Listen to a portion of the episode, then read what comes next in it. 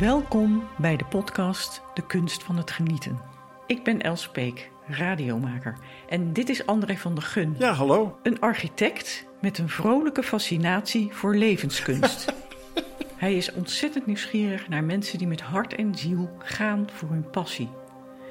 Daarom reist hij heel Nederland door om die mensen te ontmoeten. En omdat hij hun verhalen graag met iedereen wil delen, reis ik met hem mee.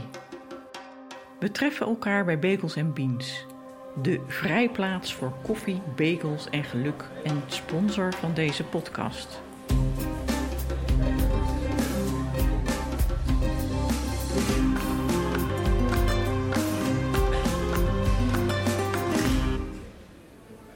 Zullen we vandaag eens tapas voor twee personen nemen? Goed idee. Oké. We houden het vegetarisch. We gaan vandaag naar uh, Arjan Dwarshuis. Die heeft het wereldrecord vogels spotten op zijn naam staan. En ik ben eigenlijk heel erg benieuwd wat hem nou boeit in al die verschillende vogels. Want hij is er heel de wereld voor afgegaan. Dus dat is nogal belangrijk. Een echte vogelfan dus. Een echte vogelfan.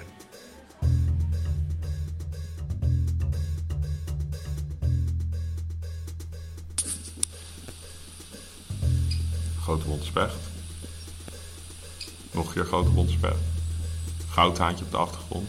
Nog grote bonte specht en nu komt hij. dat was hem. Nog grote bonte. En dat zie wat je hoorde, ik dacht eerst een Siberische boompieper. Maar het is een gewone boompieper achteraf gebleken. Aflevering 9.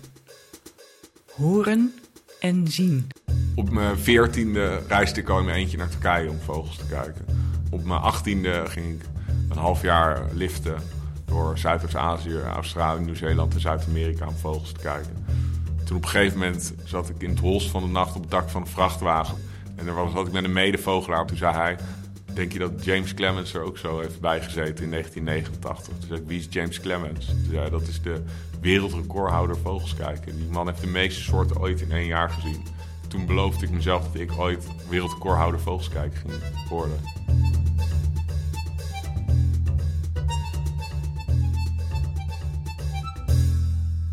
Arjan, uh, hoe vroeg sta jij s morgens op? Um, nou ja, soms heel erg vroeg. En dan met name in mei.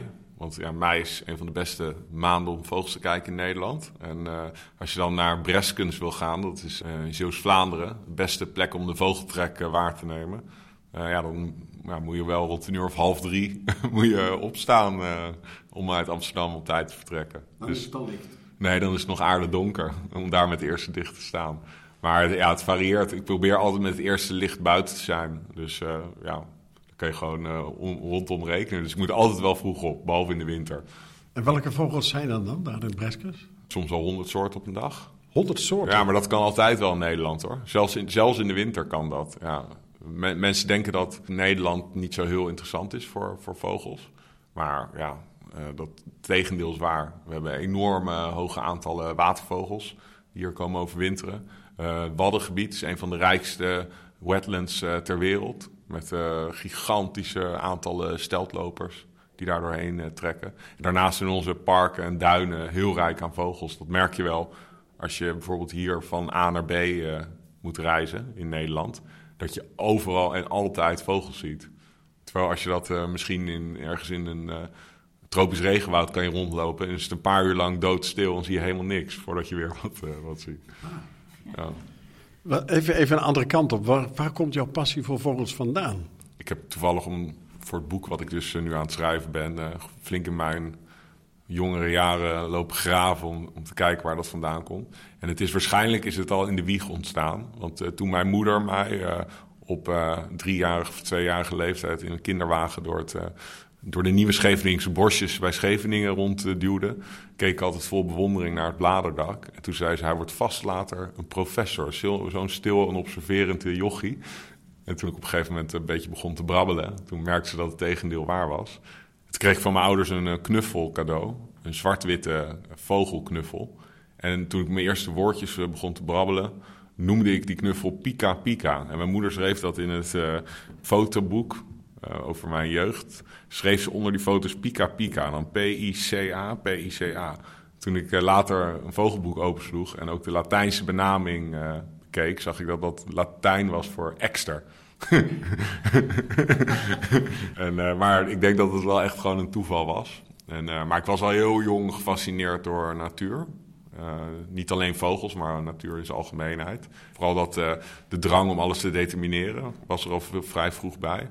Dus als ik dan een, een schelpje vond op het strand, in plaats dat ik hem gewoon, omdat het een mooi schelpje was, meenam, ging kijken in een schelpgids wat voor soort schelpje het was. En, ja, of die zeldzaam was of niet. En, nou zitten wij hier in Amsterdam, midden in de stad. Waar kom jij vandaan? Waar ben je geboren? Ben je in een buitengebied geboren? Nou, Was het automatisch? Nee, Scheveningen ben ik geboren. Maar dat is wel een van de beste plekken om als jong vogelaartje... Uh, ja, om daar geboren te, op te groeien. Want je hebt de, de waterleidingduinen ten noorden van Den Haag. Je hebt het strand. Je hebt het Westduinpark. Allemaal mooie landgoederen. En, ja, je bent redelijk centraal in Nederland. Dus je kan overal vrij makkelijk naartoe. Ja. Dus het was eigenlijk een topplek. Hier in Amsterdam mis ik dat een beetje. Dat je, je hebt wel een paar leuke plekjes, maar je kan niet echt fijn op je fiets ergens uh, naartoe. Ik ben, was gewend dat ik altijd op de fiets de duinen in kon. Of naar het strand. En hier is dat gewoon net ver weg. Dus ik, op een gegeven moment wil ik wel gaan verhuizen. En leerde je die vogels dan uit boeken kennen? Of leerde ze gewoon tijdens het fietsen en wandelen kennen? Ja, beide. De geluiden? Ja, beide. Dus, dus nou ja, met name de ja, vogelboeken zijn natuurlijk belangrijk om informatie eh, te, te krijgen. Maar vooral spelenderwijs leren, erop uittrekken. En dan als je dan iets hoort zingen wat je niet wist wat het was... net zo lang kijken tot je, tot je uiteindelijk wist welke vogel bij het geluid hoorde. En ook uh, wat heel erg hielp was natuurlijk dat je al vogelaars had die al heel lang ermee bezig waren. En die, die ontmoette ik iedere week op een winderige duintop in het Westduinpark of op het havenhoofd van Scheveningen. En dan, uh, ja, zeker op zulke jonge leeftijd, dan neem je informatie op als een spons. Dus op die manier, ja, iedere keer als ze zeiden, ja kijk, een buizerd die houdt zijn handpennen iets omhoog geknikt als hij zweeft. En een wespen die houdt ze vlak. Ja, dan ging dat allemaal als nam ik die informatie op en dat hield ik dan vast. Dus ja, dat is eigenlijk ongebreideld is dat doorgegaan. Meer dan twintig jaar lang. En nu ja, heb ik redelijk wat uh, kennis geaccumuleerd. Ja. En als jij een vogel ziet die je nog nooit gezien hebt, ja. wat gebeurt er dan met je? Dat is uh, wel elke keer weer een mooie adrenaline kickje. En dat is eigenlijk een soort verslavingje natuurlijk. Want het begon als klein kind, was ik toen ik net die vogel kijk hobby had ontdekt, was ik natuurlijk verslaafd aan het zien van nieuwe soorten. Dus als ik dan mijn vogelboek opensloeg en dan zag ik baardmannetjes, waterrallen, roerdompen, ijsvogels, allemaal waanzinnige tot de verbeelding sprekende vogelsoorten die ik nog nooit had gezien. Dus dan, dan altijd s'avonds ging die vogels dan, ging degene die ik het allerliefst wilde zien, ging ik dan schilderen als een tienjarig ventje. En de volgende ochtend de duinen in, hopen dat ik hem ging zien. En dan uh, als het dan lukte, dan werd natuurlijk dat schilderijtje werd opgehangen aan de muur. Die jij gemaakt had. Ja, en dan, maar het is dan ja, de, de kick van het onverwachte. Dat je in één keer zo'n vogel die je altijd al, weet je al, die al honderd keer in het vogelboek hebt gezien, die zie je dan in één keer in het echt. En ja, zo begon dat in Nederland. En op een gegeven moment had ik in Nederland natuurlijk wel het gros van de vogels gezien. En toen ging het wat meer naar de randen, periferie van Europa. En op een gegeven moment... Uh, naar Peru, uh, uh, Costa Rica, Afrika. Uiteindelijk wat extremere bestemmingen als Papua Nieuw-Guinea, uh, ja, Rwanda, Malawi.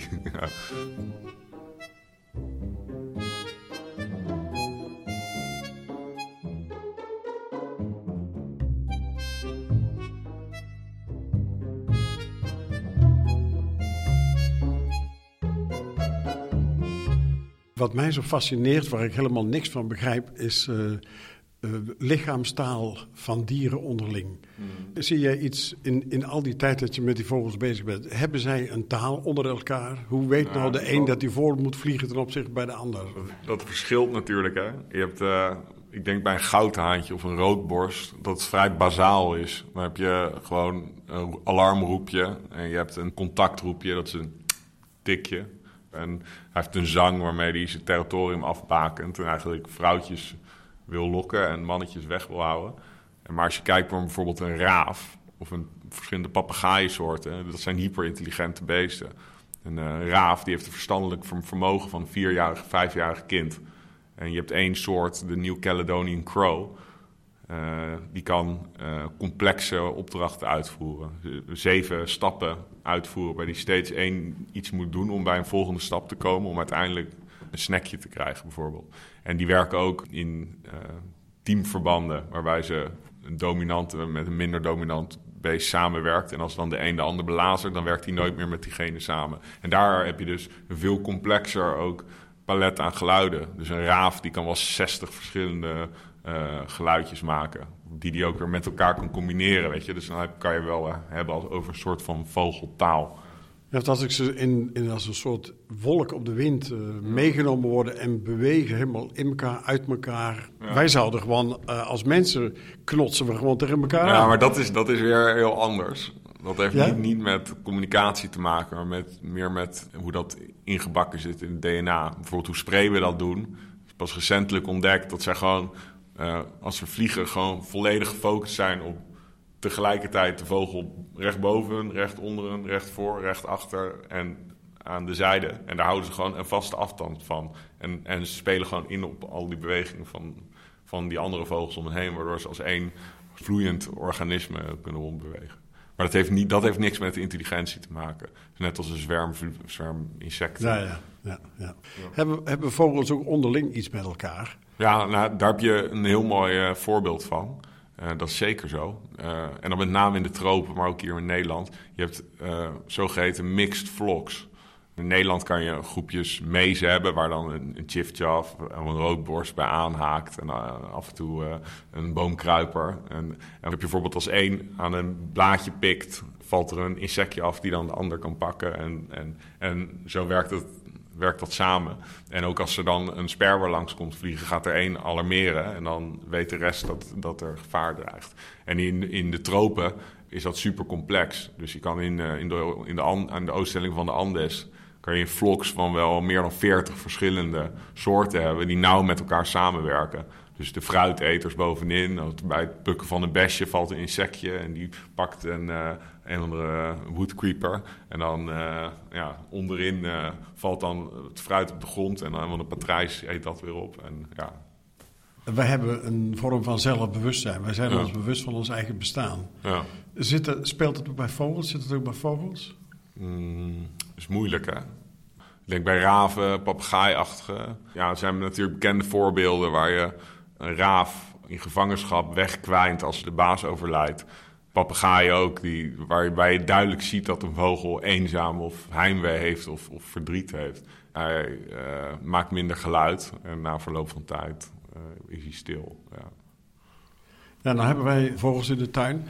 Waar gaan ze s'avonds naartoe? En wonen er bij mij gewoon vogels in de tuin die er altijd zullen blijven? Ja, nou de, de Nederlandse vogels met name. Kijk, tropische vogels zullen hun le hele leven lang vaak op één plek in het regenwoud uh, leven. Daar is heel weinig uh, dynamiek eigenlijk in een regenwoud.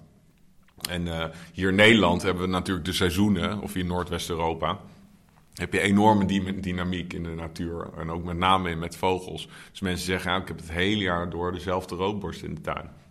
Dat is dus vaak niet waar, want onze roodborsten trekken naar Frankrijk. En wij krijgen dan Scandinavische roodborsten die er overwinteren. En die zien er natuurlijk op het oog precies hetzelfde uit als de roodborst die altijd in de tuin zit. Hetzelfde geldt voor merels. Eh, ook vogels waarvan je denkt dat zijn uitgesproken standvogels koolmezen, houtduiven. In Scandinavië heb je ook miljoenen van die, van die beesten. En daar zijn het uitgesproken trekvogels die in de winter gewoon over de Noordzee en de Oostzee naar het zuiden trekken en dan hier in de bossen overwinteren. Dus uh, ja, je hebt maar heel weinig vogels die hun hele leven op één plek blijven. En dan met name de vogels die dat wel doen, zijn vogels zoals hier in het Vondelpark. Uh, waar gewoon het hele jaar door heel veel voedsel voorhanden is. En uh, ja, die, die zullen dan het hele leven hier blijven. Koudjes, uh, sommige houtduiven. Ja. Gasparkieten? Ja, ja. En nelganzen. Sterker nog, mijn vriendin die had net een... Toevallig gisteren was in het Oosterpark, had ze de ring afgelezen. Dus zo'n kleurring met zo'n cijfer erop van een uh, nelgans. Die is door een, een, onderzoeker omgedaan. kan je kijken op een website wat andere mensen, wanneer die dat beest hebben waargenomen. En die bleek echt al uh, 15 jaar niet uit het Oosterpark weg geweest. ja. maar ze had ook een, een, een, kokmeel met een ring uit Noorwegen of zo, had ze afgelezen. Dus ja, dat laat dan zien dat een, een kokmeel hier in het Oosterpark, die komt uit Noorwegen. Ja. Dus ze verhuizen wel? Zeker, ja. Vogels zijn de ultieme reizigers, hè. Ja? Tja, ze hadden een, gierzwaluw in Beijing. Hadden ze een zendertje gegeven. Dus Beijing, Noordoost-China. Die bleek eh, te migreren over China, over de Himalaya, dwars door India. Uiteindelijk over de Indische Oceaan, de Seychelles. eh, Dus met de passaatwinden mee Afrika in. En daar hield het niet op, want uiteindelijk overwinterde die in Angola, West-Afrika. En dan uiteindelijk trok die weer terug via ongeveer diezelfde route, alleen iets noordelijker weer naar de broedgebieden in Beijing. En dat ieder jaar. Ja, Noordse sterns die vanaf de Spitsbergen eh, naar de Zuidpool en weer terugvliegen. En ja, zo kan je nog wel even doorgaan. Een goudhaantje van 4, 5 gram ongeveer. Dat is evenveel als een suikerklontje. Die ieder jaar vanuit de Scandinavische taiga eh, over de Noordzee heen vliegt. Om dan hier in Nederland te overwinteren. Ja. Prachtig zeg. Die zien, de, die zien de wereld als gewoon een klein bolletje of zo, waar ze rondomheen vliegen. Ja, ja, zeker. Bijvoorbeeld een, een boerenzwaluw, waar mensen denken, hoe, eh, die staan er soms niet bij stil als ze een boerenzwaluw zien, die een nestje bouwt onder in de schuur in een tuin. En, eh, maar die boerenzwaluw die vliegt wel twaalf keer in zijn leven vanaf die ene schuur helemaal eh, over de Pyreneeën, over de Middellandse Zee, 800 kilometer Sahara over, om dan ergens in Zuid-Afrika te overwinteren en dan weer terug te vliegen. En dan weer precies onder diezelfde dakpan in jouw schuur weer terug te komen een nestje te bouwen. En dan kan hij wel twee of drie eh, nesten, legsels groot brengen in die tijd. En dan gaat hij weer. En dan in zijn leven, dus buiten de voedselvluchten, migreert hij alleen al ongeveer vier keer de hele wereld rond. Ja. Niet dat die vogels bewust die keuze maken, maar dat is gewoon evolutionair is dat zo gegaan dat, dat bepaalde vogels ervoor kiezen om heel groot stuk te migreren. En andere kiezen om een hele leven lang in één hele kleine niche in een regenwoud ergens eh, ja, te leven. Dus de, de, de vogels bij mij in de tuin, die, die, daar, zullen, daar zullen volgend jaar heel andere zijn. Nee, hoeft niet. Nee. Bijvoorbeeld een roodborstje die broedt in jouw tuin. Die zal volgend jaar terugkomen in diezelfde tuin. Want vogels, als ze eenmaal ergens een territorium hebben... zullen ze de rest van hun leven vaak proberen om weer op diezelfde plek eh, te broeden. Ja.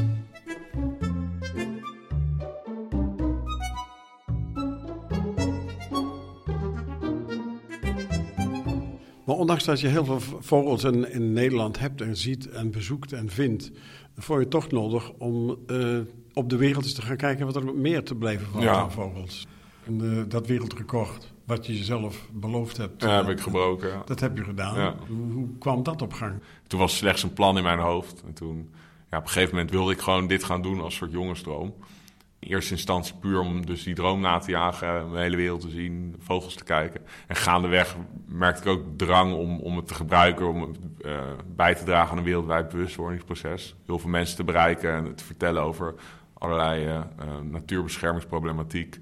En de teloorgang van de natuur op de, op de wereld. En dat het aan een groot publiek eh, duidelijk maken.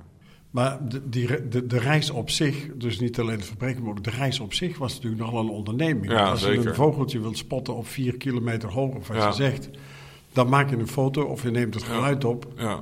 en dat is het dan of zo. Ja, nou ja, het is vooral het kijken. Het is niet eens noodzakelijk het geluid op te nemen of een foto te maken. Dus eh, dat het is wel van, van het ene extreme in het ander.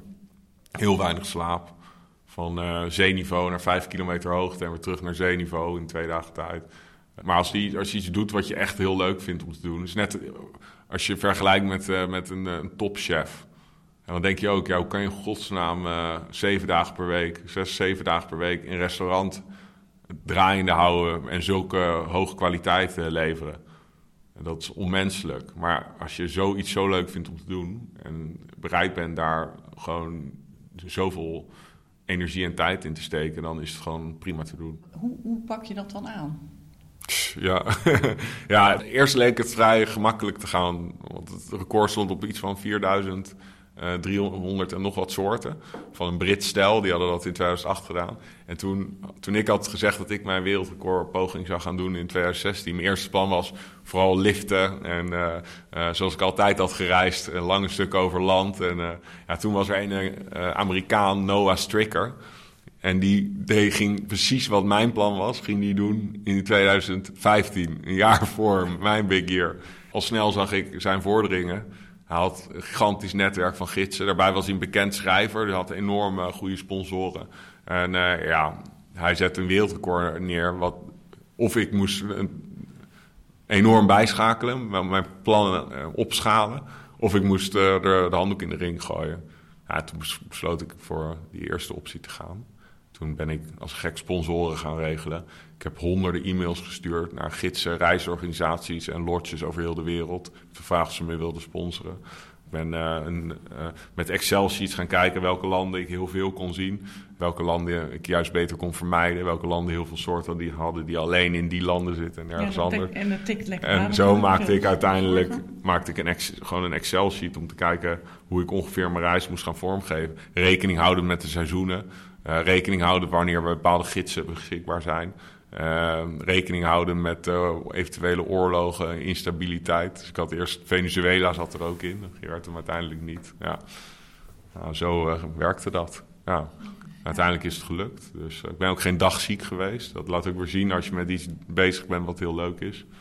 Dag in dag uit. Dat, dat je gewoon niet ziek wordt. Ja. En zo'n record verbreken, dan ben je gewoon ontzettend bezig met... ik moet het zoveel mogelijk zien in Ja. zo kort mogelijke tijd.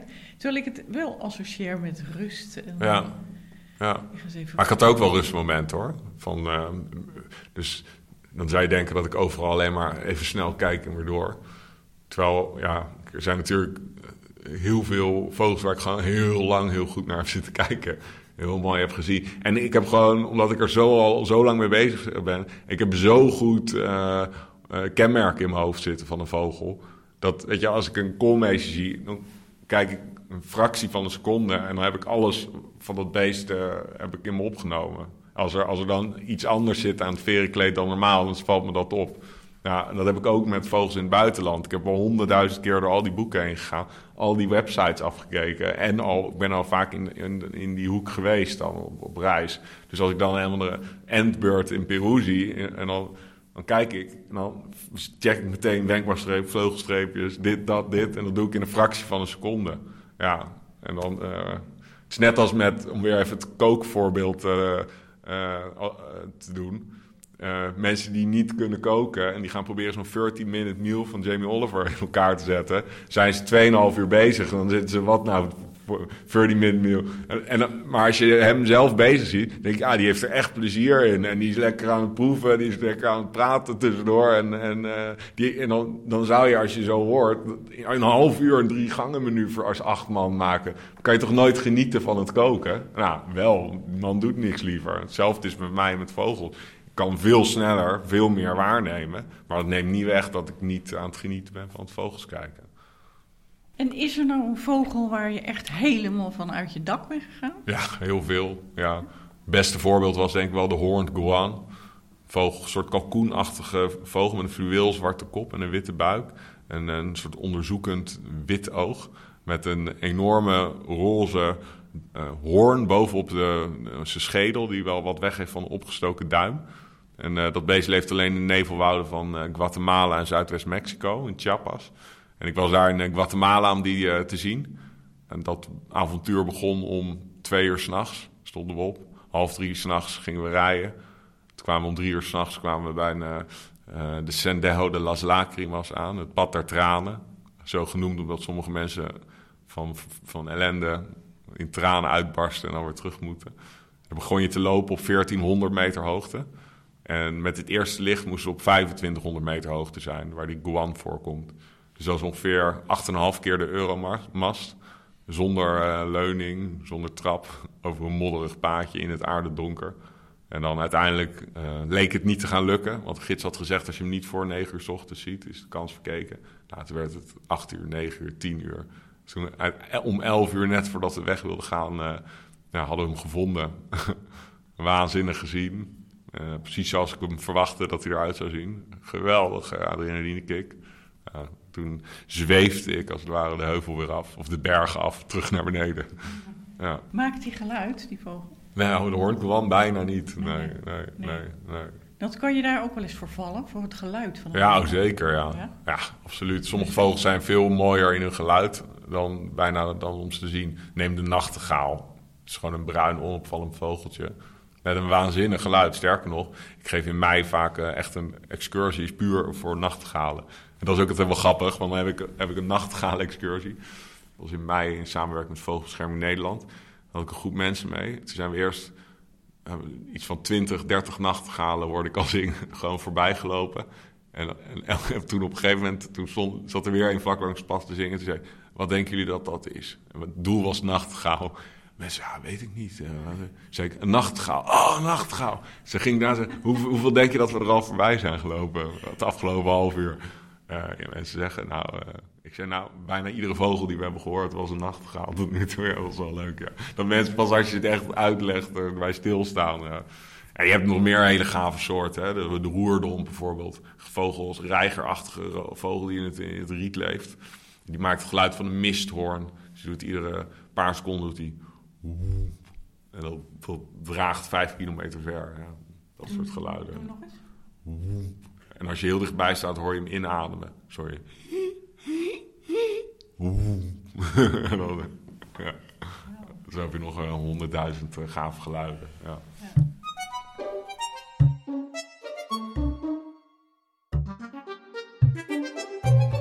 Wat doe je daarnaast? Je bent ook in, in jouw werk, vogels. Ja, ja nou, ik heb een eigen bedrijfje, de Birding Experience. Dus onder die noemer uh, geef ik lezingen. En dus mijn soort core business is uh, excursies. Dus uh, mensen kunnen mij boeken voor mm privé-excursies of groepsuitjes als vogelgids. En ja, ik schrijf een boek, ik doe af en toe wat dingen voor televisie. Ja. En uh, ja, zo kan ik me berooien met mijn hobby, dus dat is helemaal top. Ja. En mijn vriendin doet ongeveer hetzelfde, dat maakt het wel, wel makkelijk. Dus, uh, Moeilijke van vogels kijken vind ik dat ik altijd tegen het licht inkijk, dus ik zie nooit wat. Ja. Als ik met jou op excursie zou gaan, wat zou je me dan bijbrengen? Ja, nou, ten eerste hoe je moet kijken, dat is meteen al een goede, goed punt wat je maakt. Want eh, maar bijna altijd als ik mensen heb die dus echt nog nooit vogels hebben gekeken... en dan dan moet ik het begin bij het begin. Hoe kijk je door een verrekijker? Want ik heb dan mensen die, die brengen dat ding voor hun ogen en dan, en dan gaan ze zoekend, gaan ze met die kijker door de ja. boomkruiden en dan zien ze niks. Dus ik zeg eerst, eerst met je ogen dat beest goed volgen en dan langzaam in één vloeiende beweging de kijker voor je ogen brengen. Dat is stap 1. En, uh, en dan, ja, kijk, als je daar een beest hoort, uh, hoort zingen, ja, dan moeten we iets omlopen, zodat je inderdaad het licht in je rug hebt. En, en of je naar een bepaald gebied s ochtends vroeg gaat of smiddags, of juist smiddags, dat is natuurlijk ook een keuze waarbij je rekening houdt met de zon. Maar het is vooral iets uh, uh, wat ik vooral doe op een excursie. Ik heb een telescoop mee. Ik leg heel veel uit over de verschillende kenmerken. Ook door dan een vogel mooi in beeld te zetten. En dat iedereen rustig gewoon alleen zijn oog op het oculair van de telescoop hoeft te drukken en dan die vogelbeeldvullend in beeld ziet. Terwijl in plaats van dat hij aan het rond uh, schiet. Ja, want zo simpel is dat niet door met die verrekijker. Ja. Je er dan rustig voor schuift. Ja. Dan opeens spoor ik en dan zitten ja. wimpers ervoor of je drukt je ja. dat hard op. Of... Nou, wel met, als je met mij op excursie gaat, dan wordt het allemaal een stuk makkelijker. En dan denk je, oh, nu kan ik het ook. En dan ga je de volgende keer ga je zelf en dan ben je weer terug bij af. zie jij nou de hele tijd vogel als je buiten op straat loopt? Ja. Dus zesde zintuig? Het is een, uh, een curse en een blessing tegelijkertijd. Want ja, het is inderdaad als ik hier door het uh, Vondelpark fiets, dan ja, luister ik altijd en kijk ik naar, ja, naar vogels. Maar het doet ook bijvoorbeeld als ik uh, in gesprek ben met iemand, onbewust. Dus mijn vriendin en mijn ouders zijn eraan gewend, en mijn vrienden, dat ik in een gesprek de hele tijd mijn ogen alle kanten op schieten. En, en af en toe dat ik zo twitch met mijn hoofd omdat ik dan iets hoor roepen. Aan, maar als ik dan met iemand die me nog nooit heeft ontmoet, dan die denkt waarschijnlijk: wat is dit voor freak? Dan moet ik de hele tijd uh, alle, alle, kanten op kijken. Ja. En ik heb, ik heb zelf wel eens dat dan zitten we op een, uh, op een terrasje ergens een biertje te drinken met een paar vrienden. En dan één keer veer ik overeind omdat ik dan iets, iets hoor. En, en dan, want dan ben ik er echt niet mee bezig eigenlijk. Want ik zit dan gewoon bier te drinken en te ouwehoeren. En dan, en dan toch hoor ik dan in één keer van een overvliegende koperwiek. ja, en dat valt dan toch op. En het grappige is, als ik dan, want ik een goede, een van mijn beste vogelmaatjes, Michiel, die ook die docu over mijn reis heeft gemaakt. Als ik met hem en een paar mensen buiten op zo'n terrasje zit, dan hebben we allebei, hey, koperwiek, allebei tegelijk. En dan ziet die andere mensen, waar hebben jullie het in godsnaam over? Weet je wel? Die hebben helemaal niks gehoord. dus dat zet je nooit uit. Nee, dat zet je nooit uit.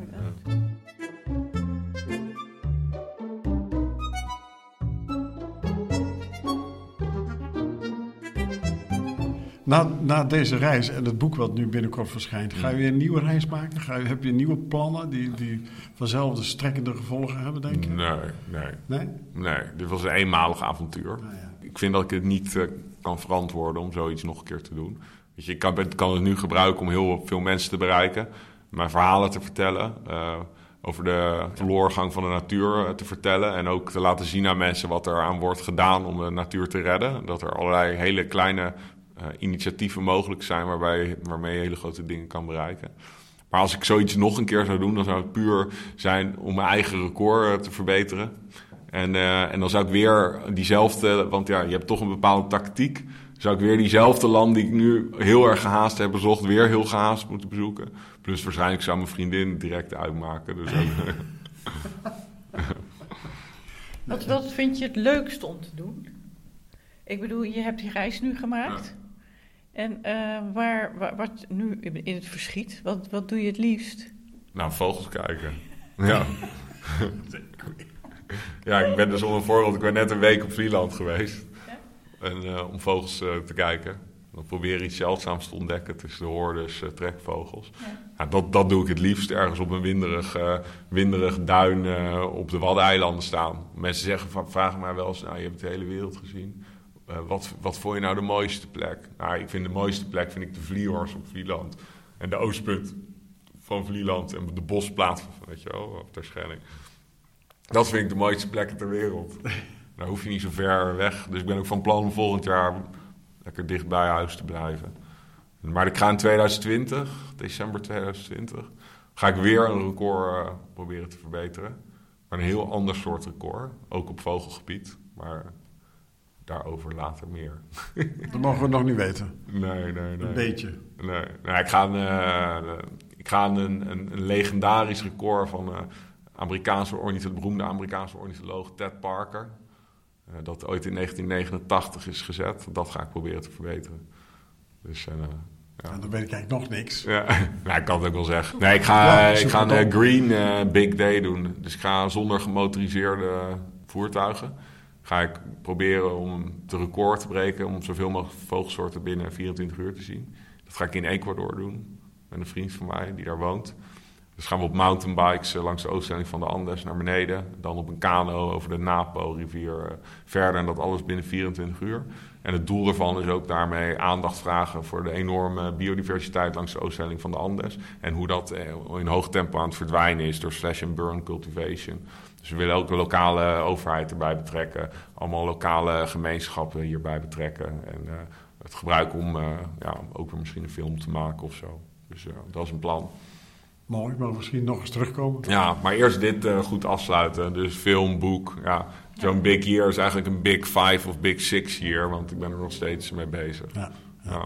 Dat is ook wel belangrijk, denk ik, als je een jaar een investering doet. Als jij, als jij in, de, in de business ziet, wil je ook niet eh, dat je een busje koopt die er dan na een jaar mee ophoudt. Dan hoop je ook eh, een paar, eh, zes, zeven jaar profijt van te kunnen hebben. Nou, het lukt vrij aardig toch? Ja, het lukt aardig. Ja. Ik kan nog steeds van mijn hobby mijn werk ma- maken.